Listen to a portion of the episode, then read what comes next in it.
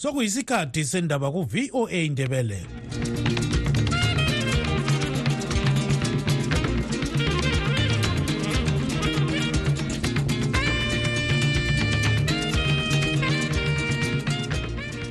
olamukela emsakazweni westudio 7 ngolwesihlanu mhla ka-2 nhlolanja 2024 ngutabo kancube.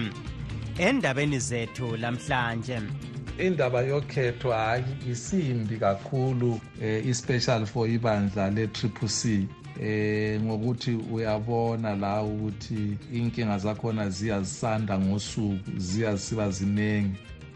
Abakucelele triple c elikamnumzana sengezo chabango bathi bayakunanzelela ukuba bakusimo esibi. Uma vele wonke umuntu esiyangena e-ground uyabe ekhangelele ukunqoba. And sikhangelele futhi njalo lokuthi lolu khetho esolungenayo abantu sebebonile ukuthi ibandla elilo ibandla lezombahazwe eleqiniso yiliphi kuyi-zanu p f. Ibandla lezanu p f lithi lizanqoba ukhetho lwama-bi-elections olukhutshwa kusasa. Zonke lezi ndaba lezinye lizozizwa khonapha emsakazweni westudio 7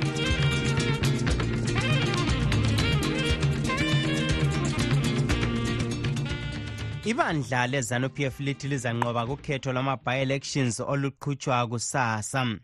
Ukhetho lolu luqhutshwa kulandela ukuxhotshiswa kwamalunga edala lephalamende la kumakhansili ngumnumzana sengezo chabangu ozithi ungunobhala jikelele webandla leli. Izimbabwe electoral commission ithi sebelungiselele ngemfanelo ukhetho lolu. Mnumzana khaliphani phugeni isikhulumeli sikachabangu uthi lizadonsa nzima ibandla leli kukhetho lolu. Indaba yokhetho hayi isimbi kakhulu eh, especially for ibandla le-triple c eh, ngokuthi uyabona la ukuthi eh inkinga zakhona ziyazisanda ngosuku ziyasiba ziningi. Eh ama-candidates abebhekele ukuthi agijime eh i'm sure uma ungababuza bangafisa ukuthi hhayi ngabe baphiwe ithuba kwadlula lokho kwase kuyaqala-ke konke lokho kokuxukaxukisana ngendlela abayenza ngakhona. Omunye uvuke sengu-s g dukuduku sechile futhi eh umongameli sechile ubani bani sengu-vice president?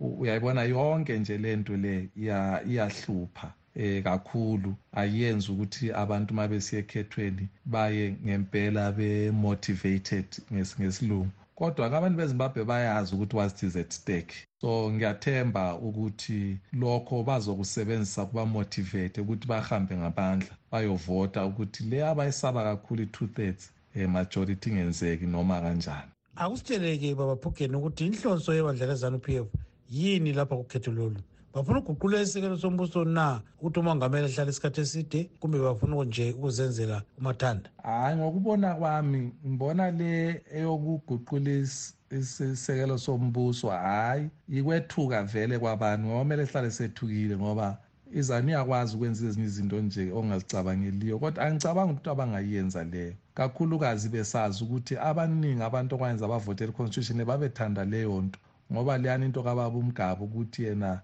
sokunguye nguye.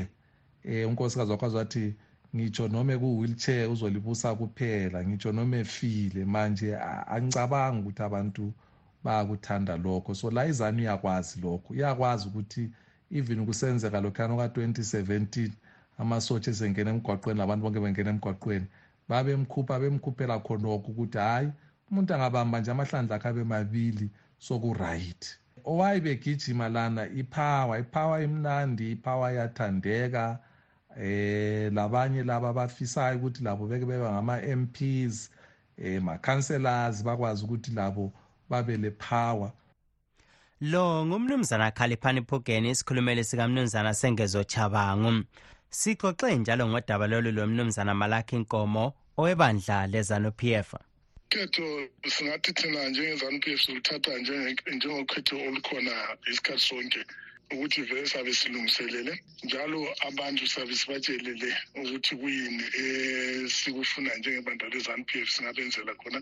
Kuyikubakhumbuza ngoba silibandla thina elivele lile-constitution kanye mm, lama-policies aqondane lempilo zabantu so kithi kuba lula kakhulu uma loba singena ukhetho ubona zani lizanqoba yini? Ya uma vele wonke umuntu esiyangena e-ground uyabe khanele ukunqoba.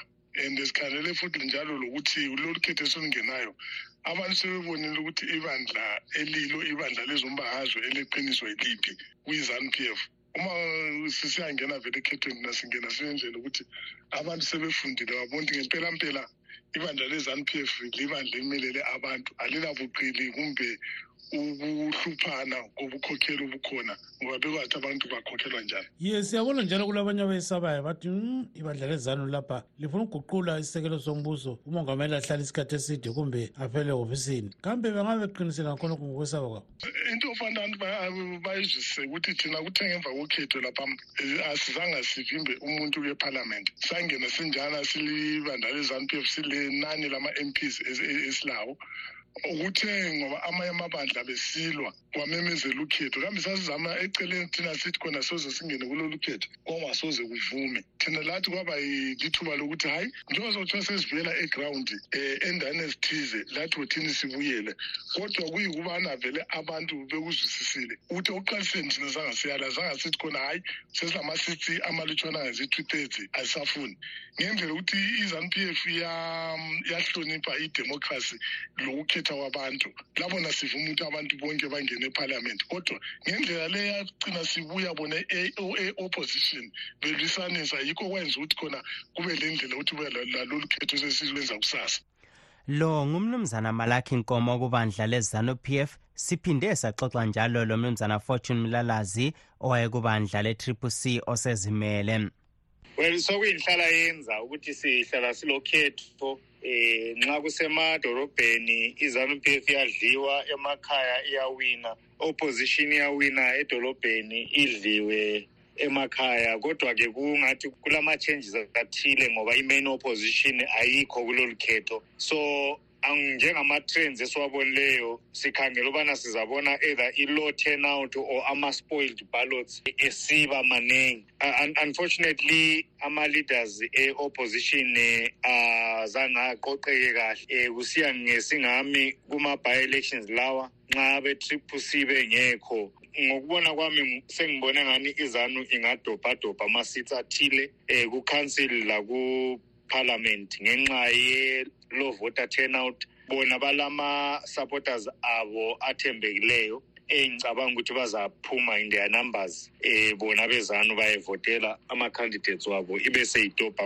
ama-seats athile. Eh njana kuvuka kusiyavotwa nje kusasa ye kodwa siyabona phela ibandla le-ccc elilecele elikhokhelwa ngumnumzana esengezo jabango ozithi ungunobhala jikelele um webandla leli. Likhona phakathi lapho. Abantu bayazi ukubana i-main opposition kayikho. So labo owe-triple c lanxa engawina i-triple c kachabangu uyabe ezawina nje ngenhlanhla. Kodwa i-turnout izaba low ngoba abantu phela abantu bakithi kabasoziphukuphuku. Bayazi abathungameli babo. So um mhlawumbe bangaba le chance badobhe njwana beke badobha one or two um ngenxa yobana begijimele enkantolo bayavalela labo abavele befunwa ngabantu. Ye kuya phambili ukhetho lo nje ungathini ngalo? Ngenxa yokuthi sililizwe elimpofu kasidingi ukubana kubelokho kusetshenziswa imali kusiba lama-by-elections. Kufanele siba le election yethu ngesikhathi sayo njengokubana eh, eh ku-constitution. Kodwa ukuthi sibe lama-by-elections ayenziwa ngabomo phusha i-agenda ethile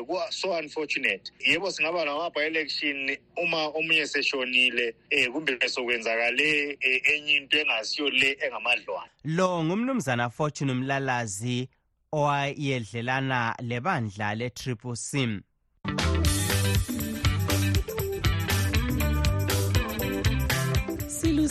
silusizi ukulazisa ukubana sesizakuma uhlelo lwethu lwendaba zekuseni kusukisela ngenyanga ezayo ekanhlolanja olokugcina uhlelo lusakazwa mhla ka-9 hlolanja kodwa lingalahli themba ngoba konke elikade likulalela ekuseni likukhwabitha. Kuzabe lokhu kumunyethwe kuhlelo lwezindaba zantambama ngo-half past 7 nsuku zonke. Sikhumbuzane sihlobo ukubana lanxa ungakhuthwa luhlelo lwezindaba luka-half past 7 ntambama. Ulakho ukululalela lapho soluphindwa ngo-half past 9 ntambama lango-half past 11 ebusuku. Siyalibonga ngokuqhubeka lisekela inhlelo zethu ze-studio 7 eye-voice of america.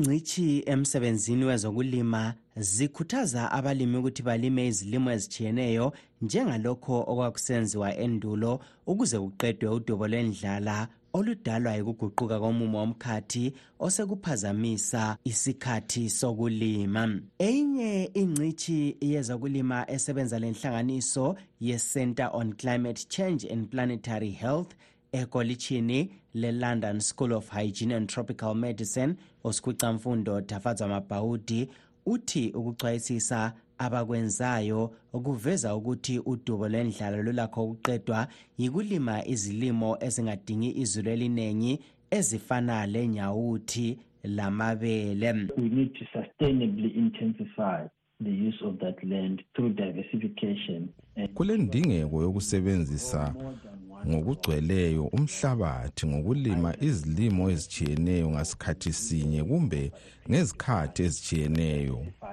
Lokhu kuphathisa umhlabathi ukuthi uhlale uvundile njalo kusipha umuzi ukudla okutshiyeneyo kanye lezilimo zokuthengisa ezitshiyeneyo. Omunye umlimisi osebenza lenkampani ethengisa inhlanyelo e-agriseeds umnumzana eugene dube uthi ukulima izilimo ezitshiyeneyo kuyengeza amathuba abalimi okuthola isivuno esingcono. Sikhuthaza abalimi ukuthi hhayi abafake inyawuthi kabafake amabele ngiyashwarensi ukuthi khona umumbu umumbu nxa ungaphumanga kahle kumbe sithi umumbu uthi at least bathola amahlanga enkomo zabo. But amabele nenyawuthi ukuvuna bazavuna. Ngikhuthaza njalo ukuthi kabafake izizuku abafake futhi lamazambane. Lezo zinto lezo hhayi zizabaphilisa kusasa.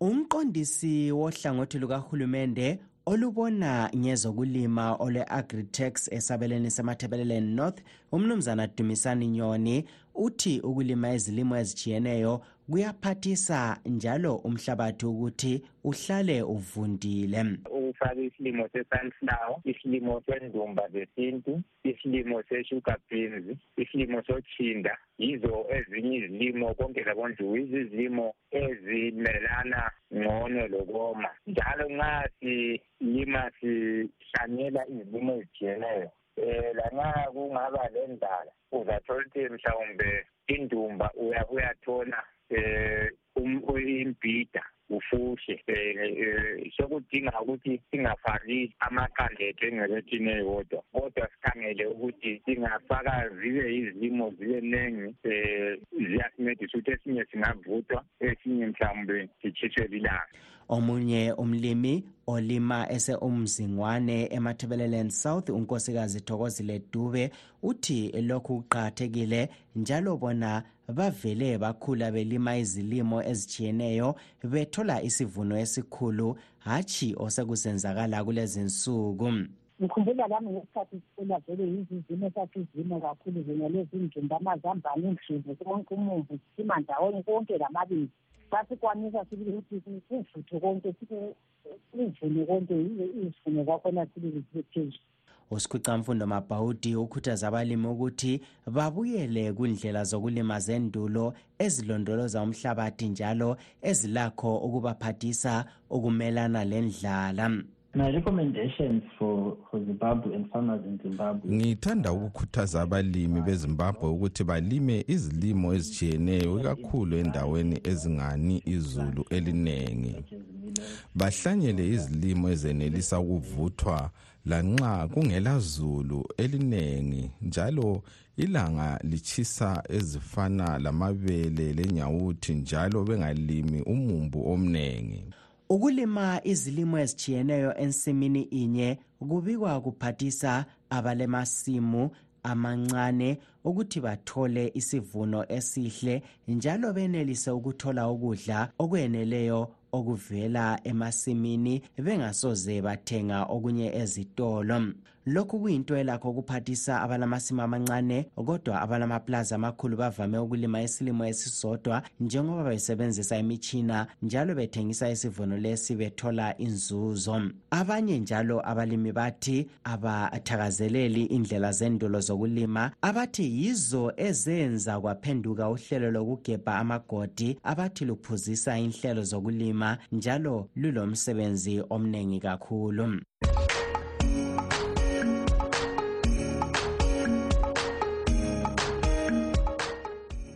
Okwamanje sengidedela emuva ngilichiya ezandleni zenu lina balaleli bethu kumbono yenu elisithumele yona ngewhatsapp. Hawu studio 7 studio 7 hawu sesijikile njalo. Heyi bakithi heyi mina bengicela bakithi ngapha kumthwakazi bakithi heyi ngabe siyamamela kahle amazwi achiye khulunywe ngumdala unkomo obaba unyongola wathi yena umsindo uzavela empumalanga usiya entshonalanga kodwa thina singawungeni thina bakamthwakazi nangu manje kuqala ingxabangcoza bayangxabangcoza khona ngale empumalanga kodwa lathi sesizifaka phakathi ngapha. Kulothi ngasiyayeka nje bona umsindo lwana udlule eceleni kwethu thina emthwakazi sibambane nini? Sakheni ilizwe likamthwakazi sibe sodwa nje kuphela siqoqaneni ayisi ukuthi mbe ngigqugquzela udlame ha ngibona ngoba phela kuyehlula phela ukuthi basiphathe laba bantu. Hhayi bahlulekile shema abahlulekile bahlulekile litshongozi kamakepesi elikhulumayo. Ngumdluli basakazi bestudio seven linjani badala? Dani lonke mahlaba ezulu hhayi namhlanje nami ngidimbeka umbono ngobuhlungu embuzwayo ngento eyenzakala kithi esizweni sakithi bakithi emathebelelendi izinduna zamasudu kuphela akusela zinduna zomdabu. Induna ezezivuma ukusetshenziswa izano hayi khona. Hayi le ndaba endlela ebugugurawundi le ndlela ephathwa ngakhona hayi mina ngivela angisuthiseki ngayo. Hayi hayi kulanto elungayo kambe zinduna bani ezikhontrolwa? Kambe induna kumele ngazimela abantu bakubo? Zona zivukela uhulumende kamnankagwa ediliza isizwe sabantu besintwini. Zikhona zona okumele ngayizona ezimela abantu. Zona ziyakuvumela lokho. Udaba lolu uma kuvuma kumele ngalo yakhulunywa nasephalamende kube ne-case number. Izinduna kazizama ukumela abantu. Zingabi ngama-pitbull zibe lamazinyo alumayo estudio 7 salibonani livuka njani labalaleli? Nti manje why i-al jazeera ingathi ithatha uhlangothi? Why ingabuyi izo-investigate i-akhawunti kachamisa? Ngoba uchamisa ngesikhathi erisayina la kuyabonisa mhlophe ukuthi ubesethengwe izano ijazeera-ke ayiphuthume iyobheka i-akhawunti kachamisa lizozwa umhlolo noma lizobona umhlola eh uchamisa mina ngalitshela ngathi uzolidampa ekucineni. Kodwa uselidampile nje. Olengqondo lo lolandela umsakazo westudio 7 uyakwazi ukuthi ngangihlala ngisitsho leyo nto leyo mina. Zithi uchamisa yiyekeyeke leli lizolidampa ekucineni. Uselitshayile so liselidampile but ubuhlungu bakhona baqambela uchabango wamanga besithi uchabango nguyodilize iphathi uchabango kadilizanga iphathi uchamisa nguyothengisileyo. Uthengwe yizano kuchiwo laphana kwathiwa khona uchamisa ma eseqala ukuvula elinye iqembu. Iqembu lakhe igama lakhona lizoqala ngozimbabwe. So that means uchamisa usephansi kwezanu p f. Studio 7 studio 7 salibonani msakazo omuhle linyani lonke lapho elikhona. Siyabonga ukuba nomsakazo omuhle kanje. Ngiyabonga nami ukuba kuli platform kulanga namhlanje. Siyabonga ngamaqiniso eliwakhuphayo lapha ezimbabwe siyabonga kodwa sinethemba ukuba kwelinye ilanga kuzolunga. Um salonani basakazi abahle studio seven abalandeli nabalaleli bonke bestudio seven abanjengami. Le yimpi kamoya asompi yenyama esibona isenzakala ezimbabwe um okhuluma ngu-alec nyathi. Abantu bananzelele bakwazi futhi babheke futhi ukuthi uma masokumnyama kakhulu bakwazi ukuthi sizavuka indosakusa sekuzavela ukukhanya. Njalo bakwazi ukuthi umnyama lokukhanya vela kuhambisane so into ekhona ukukhanya sokuseduze luyabalela amagama ami namazwi ami mhlaka-1 february namhlanje. Le two years angeke ziphele ukukhanya kungavelanga. Um bangamgxeka uchamisa uthi uligwala ubalekile noma kanjani. Kodwa iqiniso yikuthi ubumnyama nokukhanya ngeke kwafa kwahambisana ngeke kwafa kwafana. Ilizwe liyakulunga manje maduze. Lokho ngikutsho ngokamoya hhayi okwenyama. Maduzane nje lilibheke leli langa engikhulume ngalo. Libheke le-two years engikhuluma nayo ikude kakhulu. Ngokukamoya in the spiritual realm zimbabwe will be great again god is in it. Siyabingelela siyabonga studio seven. Manje ngoba istudio seven news zasekuseni iyazivala so engingakwazi ukuthi imbono yethu labantu abaningi abaphawula kangaka izinto ezinomqondo onjena ngelizwe lakithi. Bona sebezohlaziya kuphi? So besicela ukuthi makungenza libanikeze labo ithuba ukuthi lathi sikwazi ukuthi sikhulume imbono yethu khonapho kuleso sikhathi leso salezo news lezo singajabula kakhulu siyabonga.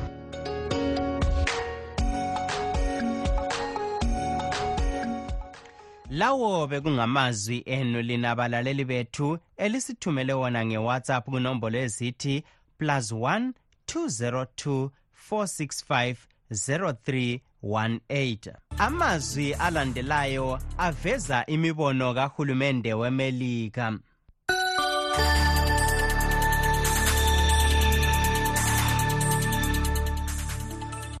Mhla ka-23 ngozibandlela uhulumende wakwele Iran walengisa uMohammad Gabadow owayeleminyaka yokuzalwa engamachumi amabili lantathu 23 waba ngowesishiyagalolunye walabo ababulawayo. Ngemva kokubotshelwa ukutshengisela besola umbuso wele Iran ngomnyaka ka-2022 abantu abangena kunkulungwane lezinkulungwane bangena emigwaqweni betshengisela okwenyanga ezinengi. Ngemva kokufela esitokisini samapholisa kukamahsa amin owayeleminyaka engamachumi amabili lambili 22 yena owayebotshelwe ukwehluleka ukuvala ikhanda lakhe kuhle ngelembu lejihabu abantu ababetshengisela ngokuthula bahlangabezwa ngochuku olumangalisayo. Abantu abangamakhulu amahlanu 500 babulawa ngamasotsha ngesikhathi ukutshengisela lokhu kuqhubeka. Izinkulungwane zabotshwa kanti lamanani angaziwayo lawo alokhe evalelwe ejele. Ugobadow ocatshangelwa ukuthi wayebulawa ngumkhuhlane wengqondo wetheswa icala lokubulala ipholisa. Ngemva kokuthethwa kwecala lakhe okwasolwa ngabe-united nations abe-amnesty international labezinye inhlanganiso ezilwela amalungelo kazulu besithi akuqhutshwanga kuhle wetheswa isigwebo sentambo. Igqwetha lakhe lacela ukuthi isigwebo simiswe yinkantolo enkulu esupreme court. Kepha laziswa ngesinqumo sokubulawa kukagabadow sokusele nje amahola ambalwa ukuthi alengiswe. Ekhuluma emhlanganweni awenze lentatheli zindaba umsekeli wesikhulumeli sogatsha lwe-state department uvedant patel umsolile uhulumende wase-Iran ngokusebenzisa isigwebo sentambo ukujezisa abantu ngalokho esikholelwa ukuthi kuyikusebenzela amalungelo abo. Waphawula wathi kulembiko eminengi yokuhlukunyezwa ukuphoqwa ukuthi umuntu avume amacala ngenkani lokwalelwa kwabasolwa ukwelulekwa ngamagqwetha. Konke lokhu sikholwa ukuthi kuveza sobala ukusoleka kwezinqumo ezethulwe zinkantolo zase-Iran. Kusukela umbuso wase-Iran ucindezela ngodlame ukutshengisela elizweni lonke kulandela ukutshona kukaMahsa Amini. Elemelika selifake izijeziso ezedlula ichumi lambili. Eziqondiswe kuziphathamandla zakwele Iran ezigoqela amalunga e-Islamic Revolutionary Guard kanye lezibona ngokugcinwa komthetho inhloko yenhlanganiso yamajele kanye lemithombo yezindaba ebamba iqhaza ethula imibiko ekhetha lokho efuna kwaziwe. Umsekeli wesikhulumeli sogatsha lwemelika olwe-state department upatel uthe imelika izaqhubeka ngokuthatha amanyathelo okuxhasa abantu bakwele iran ngendlela ezibambekayo ezibonakalayo lezingabonakaliyo. Sibambisane labangane bethu kanye lalabo esidlelana labo kulowo mhlubulo. Ngizatsho njalo ukuthi uma sikhuluma ngokujezisa uhulumende wase-Iran phezu kwezenzo zakhe ezimbi ezigoqela ukucindezela abantu kasisoze sithikaze ukuthatha amanyathelo. Lawo bekungamazwi aveza imibono yemelika.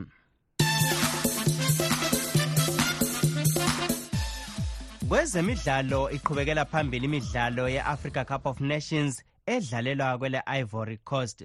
Elenigeria linqikilana kumahola alandelayo lele-angola imidlalo le isingena kusigaba se-quarter final kubika ujoseph njanji le-democratic republic of congo lizanqikelana lelegini ngehola lechumi ebusuku. Umlandeli womdlalo wenguqu udexter ndlovu uthi ukhangelele ukuba limidlalo iqhubeke isiba lempumela eyabe ingakhangelelwanga ngabaningi. Sinsuke sesibone ukuthi afcon le i-unpredictable kanjana onto abaningi sebeyahamba inigeria but i think sebeyawasurprised abantu angola ngendlela edlale ngayo. Abantu bebeyi-counter out but right now isikhona. And i think isikhona right now and izasurprise nigeria nge-two-one oyelusa siyamazi ku-osman uyahlohla but izadliwe nigeria iyi-bottom line. Ucladstone moyo othakazelela imidlalo le uthi iqembu le-democratic republic of congo lizaqhubekela phambili lilokhu lisebenzisa imbekwa ukufinyelela kusigaba esilandelayo somncintiswano njengalokhu elikwenze kusigaba esedluleyo. Drc yedifenda kakhulu. But umapenalty yawina umapenalty drc na mapeni abi da ni nigeria de angola ai nigeria ya ina ya pan san kai da trend sa ya zai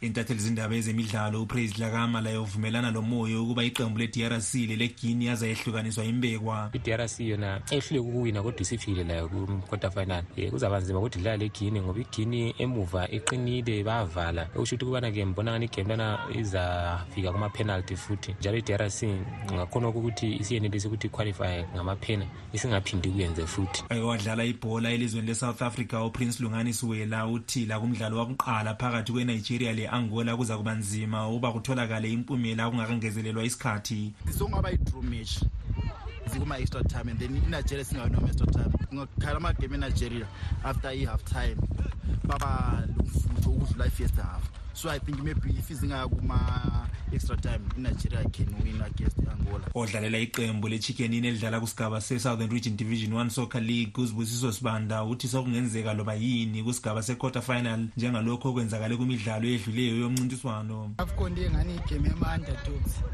nigeria labani ngabhayiza singatshayo eziningi. Ngoba i-angola ungachekha i-attack yangkhona bayahlohla sibili bayahlohla sibili inigeria idefense yayi-strong but abakwanisi ukuhlohla so it's anyone game eminye imidlalo yesigaba se-quarter final iza kuba khona ngomgqibelo lapho iqembu lemali elizadlala khona lele-ivory coast ngehola lesikhombisa ntambama kuthi ele-cape verde linqikilane lele-south africa ngehola lethumi ebusuku. Ngimele studio 7 kobulawayo ngingujoseph njanji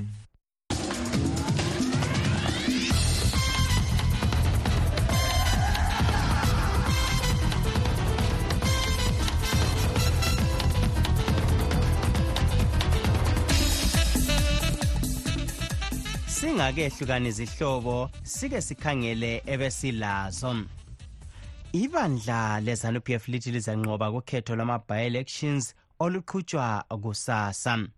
Abakucele le-triple c elikamnumzana sengezo chabangu bona bathi bayakunanzelela ukuba bakusimo esibi eh, ngesikhathi ukhetho lwama-bi-elections oluqhutshwa kusasa lusiza.